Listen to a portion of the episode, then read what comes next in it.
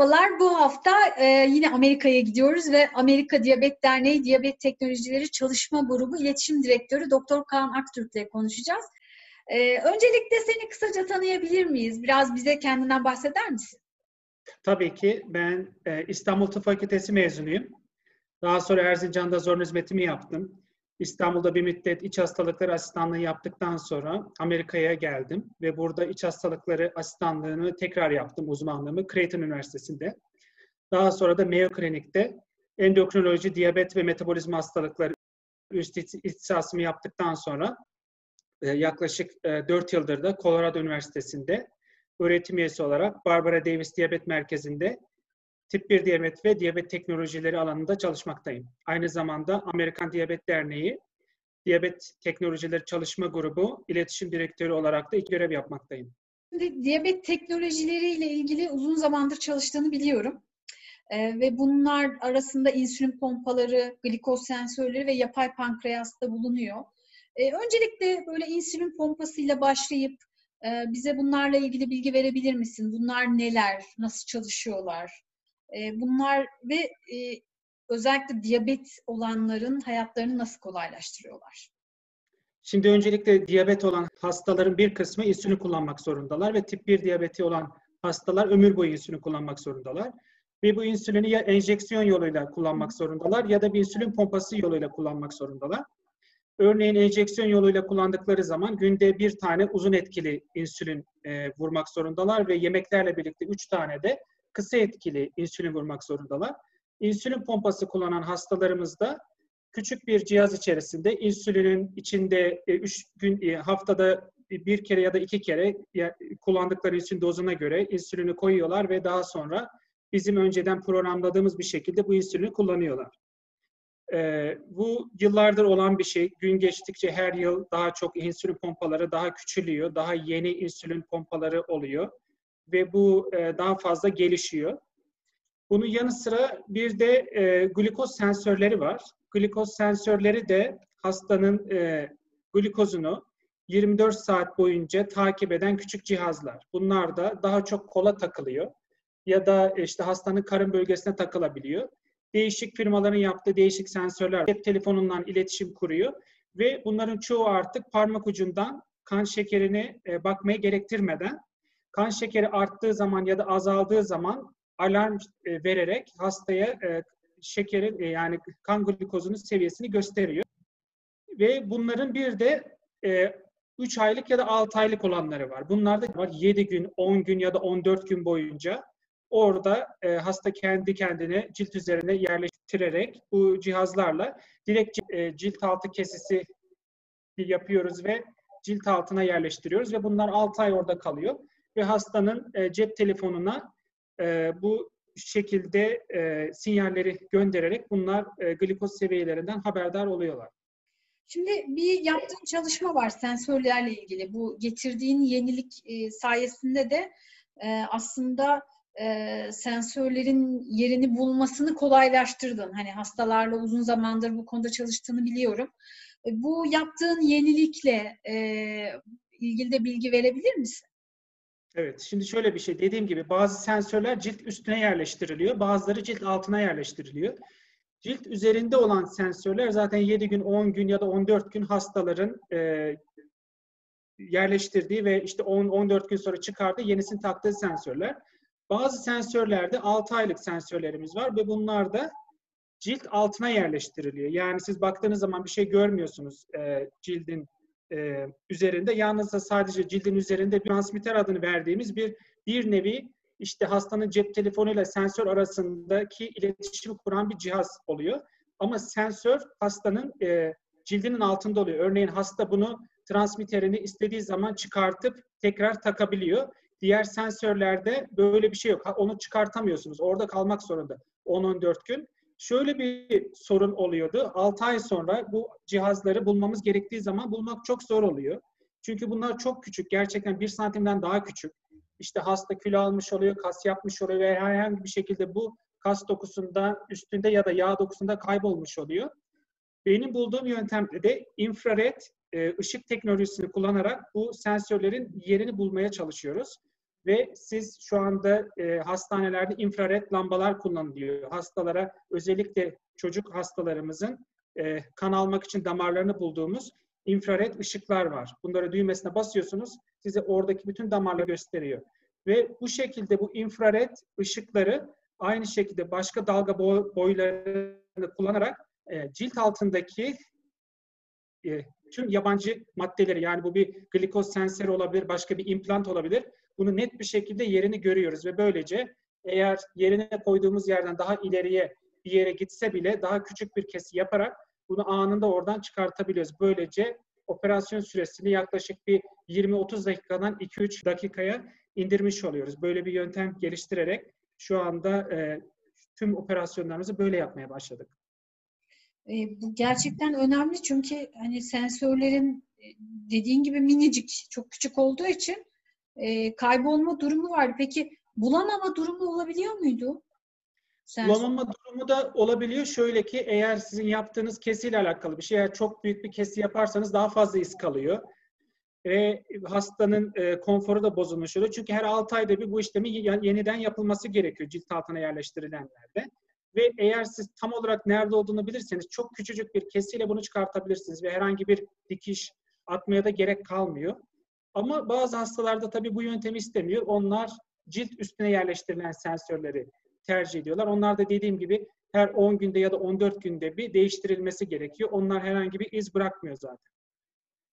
Burada şimdi yapay pankreas bölümüne geçelim mi? Hani bu gerçekten diyabet hastalarının hayatını çok kolaylaştıran e, ve e, benim de ilk öğrendiğimde, senden dinlediğimde gerçekten evet e, umuyorum ki daha hızlı gelişir ve e, diyabet hastalarının gerçekten hayat konforu daha da gelişir diye umuyorum. E, şimdi biraz da yapay pankreastan söz edelim mi? Nedir? E, neler neler sağlıyor özellikle diyabet hastaları?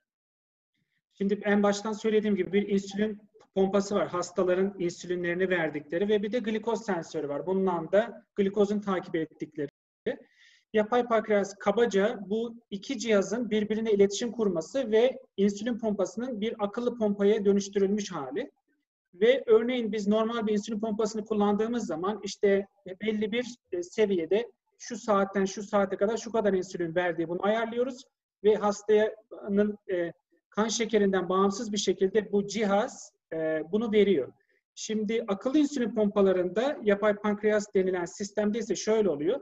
Bu glikoz sensöründen gelen bir feedbackle yani bu akıllı pompada akıllı insülin pompasında hastanın e, glikoz seviyesine göre anlık bir şekilde verdiği insülin miktarını eğer kan şekeri fazlaysa artırıyor bunu düşürebilmek için. Eğer kan şekeri düşme eğilimindeyse ya da düşmüşse bunu ya tamamen durduruyor insülin e, salınımını ya da azaltıyor. Böylece ciddi hipoglisemi riskini yani hastaların e, çok ciddi bir şekilde kan şekerin düşmesi ve bunun e, sonunda özellikle daha kötü şeylerin olması gibi durumları engelleyerek hastaların hedef aralıktaki e, kalma sürelerini artırıyor ve böylece uzun vadede diyabet komplikasyonlarının da önüne geçmiş oluyoruz. Şimdi bu, bu teknolojiler çocuklar için de kullanılabiliyor mu? Hani bunlarda bir yaş farkı, yaş sınırı var mı? Bu teknolojiler çocuklarda da kullanılabiliyor, erişkinlerde de kullanılabiliyor. Bir önce bir cihaz yeni çıktığı zaman erişkinlerde öncelikle deniliyor. Daha sonra çocuklarda deniliyor ve şu anda çocuklarda da Amerika'da ve erişkinlerde de kullanılıyor. 2017 Mart itibariyle biz e, hastalarda kullanım onayı aldı. Şu anda ikinci bir versiyonu çıktı ve üçüncü ve dördüncü versiyonları da çıkmak üzere. Değişik firmalar bunları üretiyor ve her seferinde daha değişik algoritmalar üzerinden daha da e, değişik e, bir şekilde yazılımları güncelleniyor.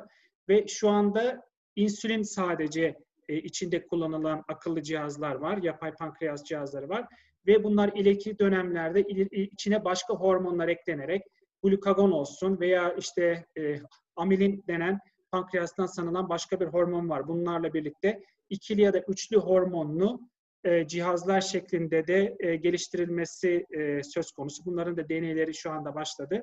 Ama şu anda sadece insülini artıran, azaltan ya da insülini tamamen durduran ve tekrar hastanın glikoz artmaya başladığı zaman artıran, insülin salınımını artıran cihazlarımız var. Ve bunlar tabii ki hastaların çok büyük bir yaşam konforunu artırmış durumda.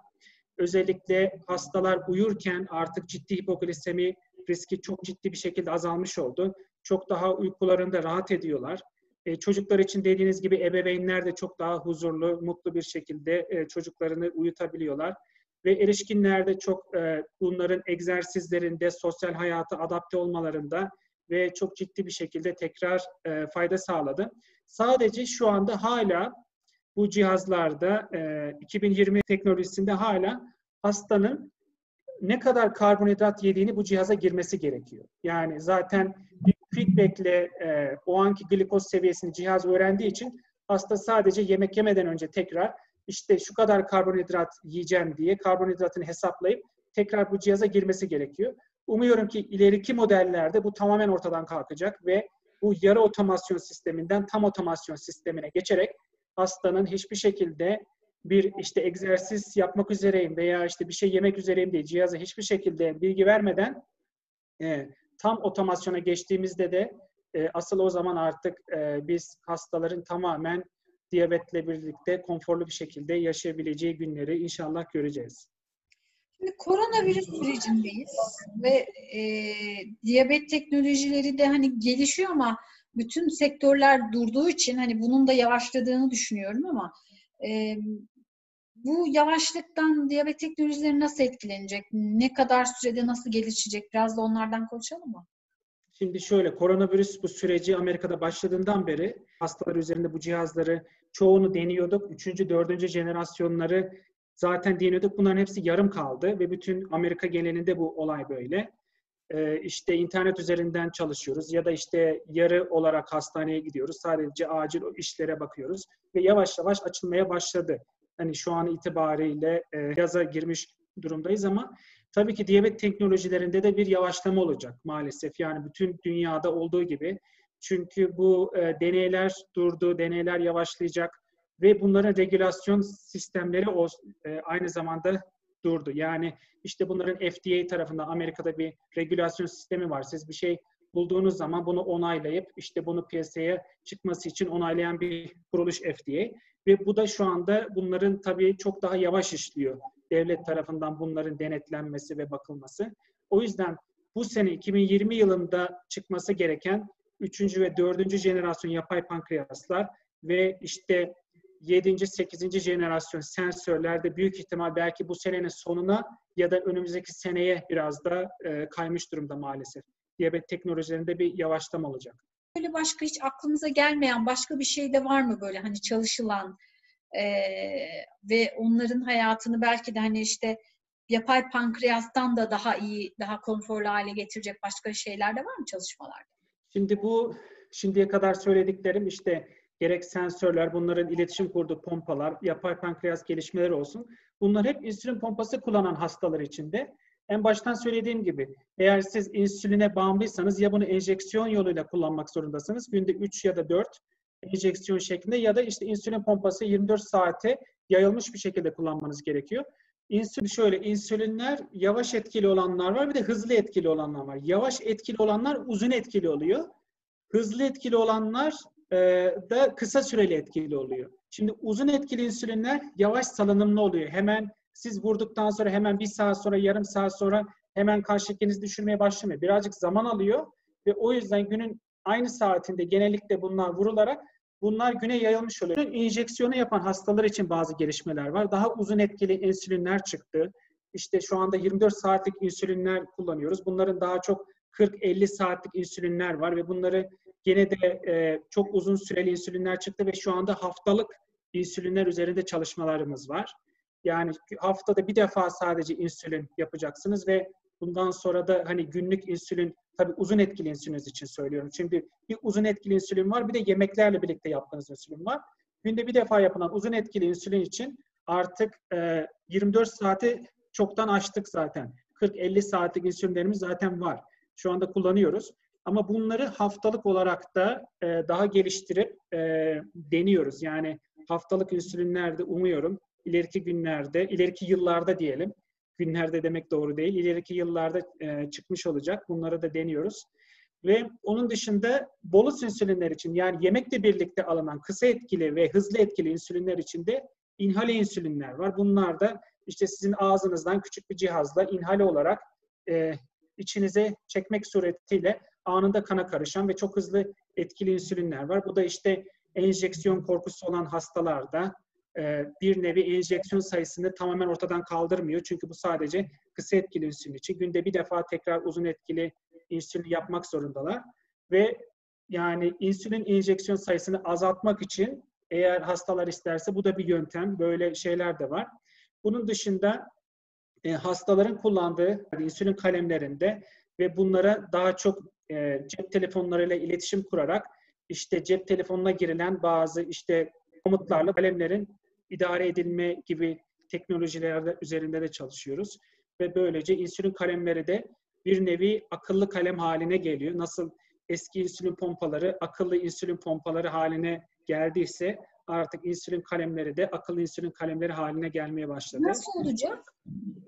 Ve bunlar bir e, cep telefonundaki bir uygulamayla birlikte artık hasta aynı şekilde kullandığı insülin pompası gibi işte kullandığı karbonhidrat miktarını aynı şekilde e, insülin ins, e, cep telefonundaki uygulamaya e, yazıyor ve bu şekilde cep telefonu iletişim kurarak hastaya kaç ünite insülin vermesi gerektiğini tavsiye ediyor.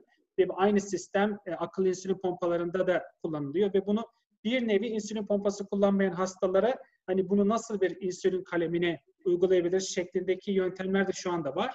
Ve bunların zaten glikoz sensörleri entegrasyonu da var. Ve bunlar sonraki yıllarda da şu anda zaten kullanıyoruz burada. Sonraki yıllarda da çok daha ileriye gideceğini düşünüyorum. Etkili insülinlerde tabii ki yani dozla ilgili bir şey. Eğer dozu çok fazla alırsanız kan şekeri düşme olabilir. Dozu yetersizse yetersiz olabilir ama bunlar ileriki günlerde hasta kullanmaya başladıktan sonra güvenli bir şekilde e, doz ayarlamasını yapıyoruz zaten. Ya dediğiniz gibi haftalık insülinlerde hani az mı gelecek, çok mu gelecek, hani kan şekeri ne olur? Çünkü bir defa yaptığınız zaman o bir hafta sizin e, vücudunuzda kalacak şeklinde. E tabi bunun da bir hastanın kilosuna göre, o anki kan şekerine göre, işte 3 e, aylık kan şekeri dediğimiz hemoglobin A1C değerlerine göre bunları zaten biz ayarlayıp vereceğiz. O yüzden çok fazla bir sorun olacağını düşünmüyorum. Çok teşekkür ediyorum. Çok güzel bilgiler verdin. Ee, eklemek istediğin başka şey var mı? Bu diyeti olan bireylere şunu söylemek istiyorum. İleriki yıllar çok daha güzel olacak. Son birkaç yıldır çok büyük yenilikler var. O yüzden artık e, eskisi gibi değil. E, artık çok daha fazla yenilikler var ve tüm amacımız dediğimiz gibi e, onların hayatlarını kolaylaştırabilmek üzerine. Çok teşekkür ediyorum. E, umuyorum ki başka yeniliklerle yeniden konuşuruz, yeniden e, videolar çekeriz. E, başka bir e, videoda görüşmek üzere, hoşçakalın.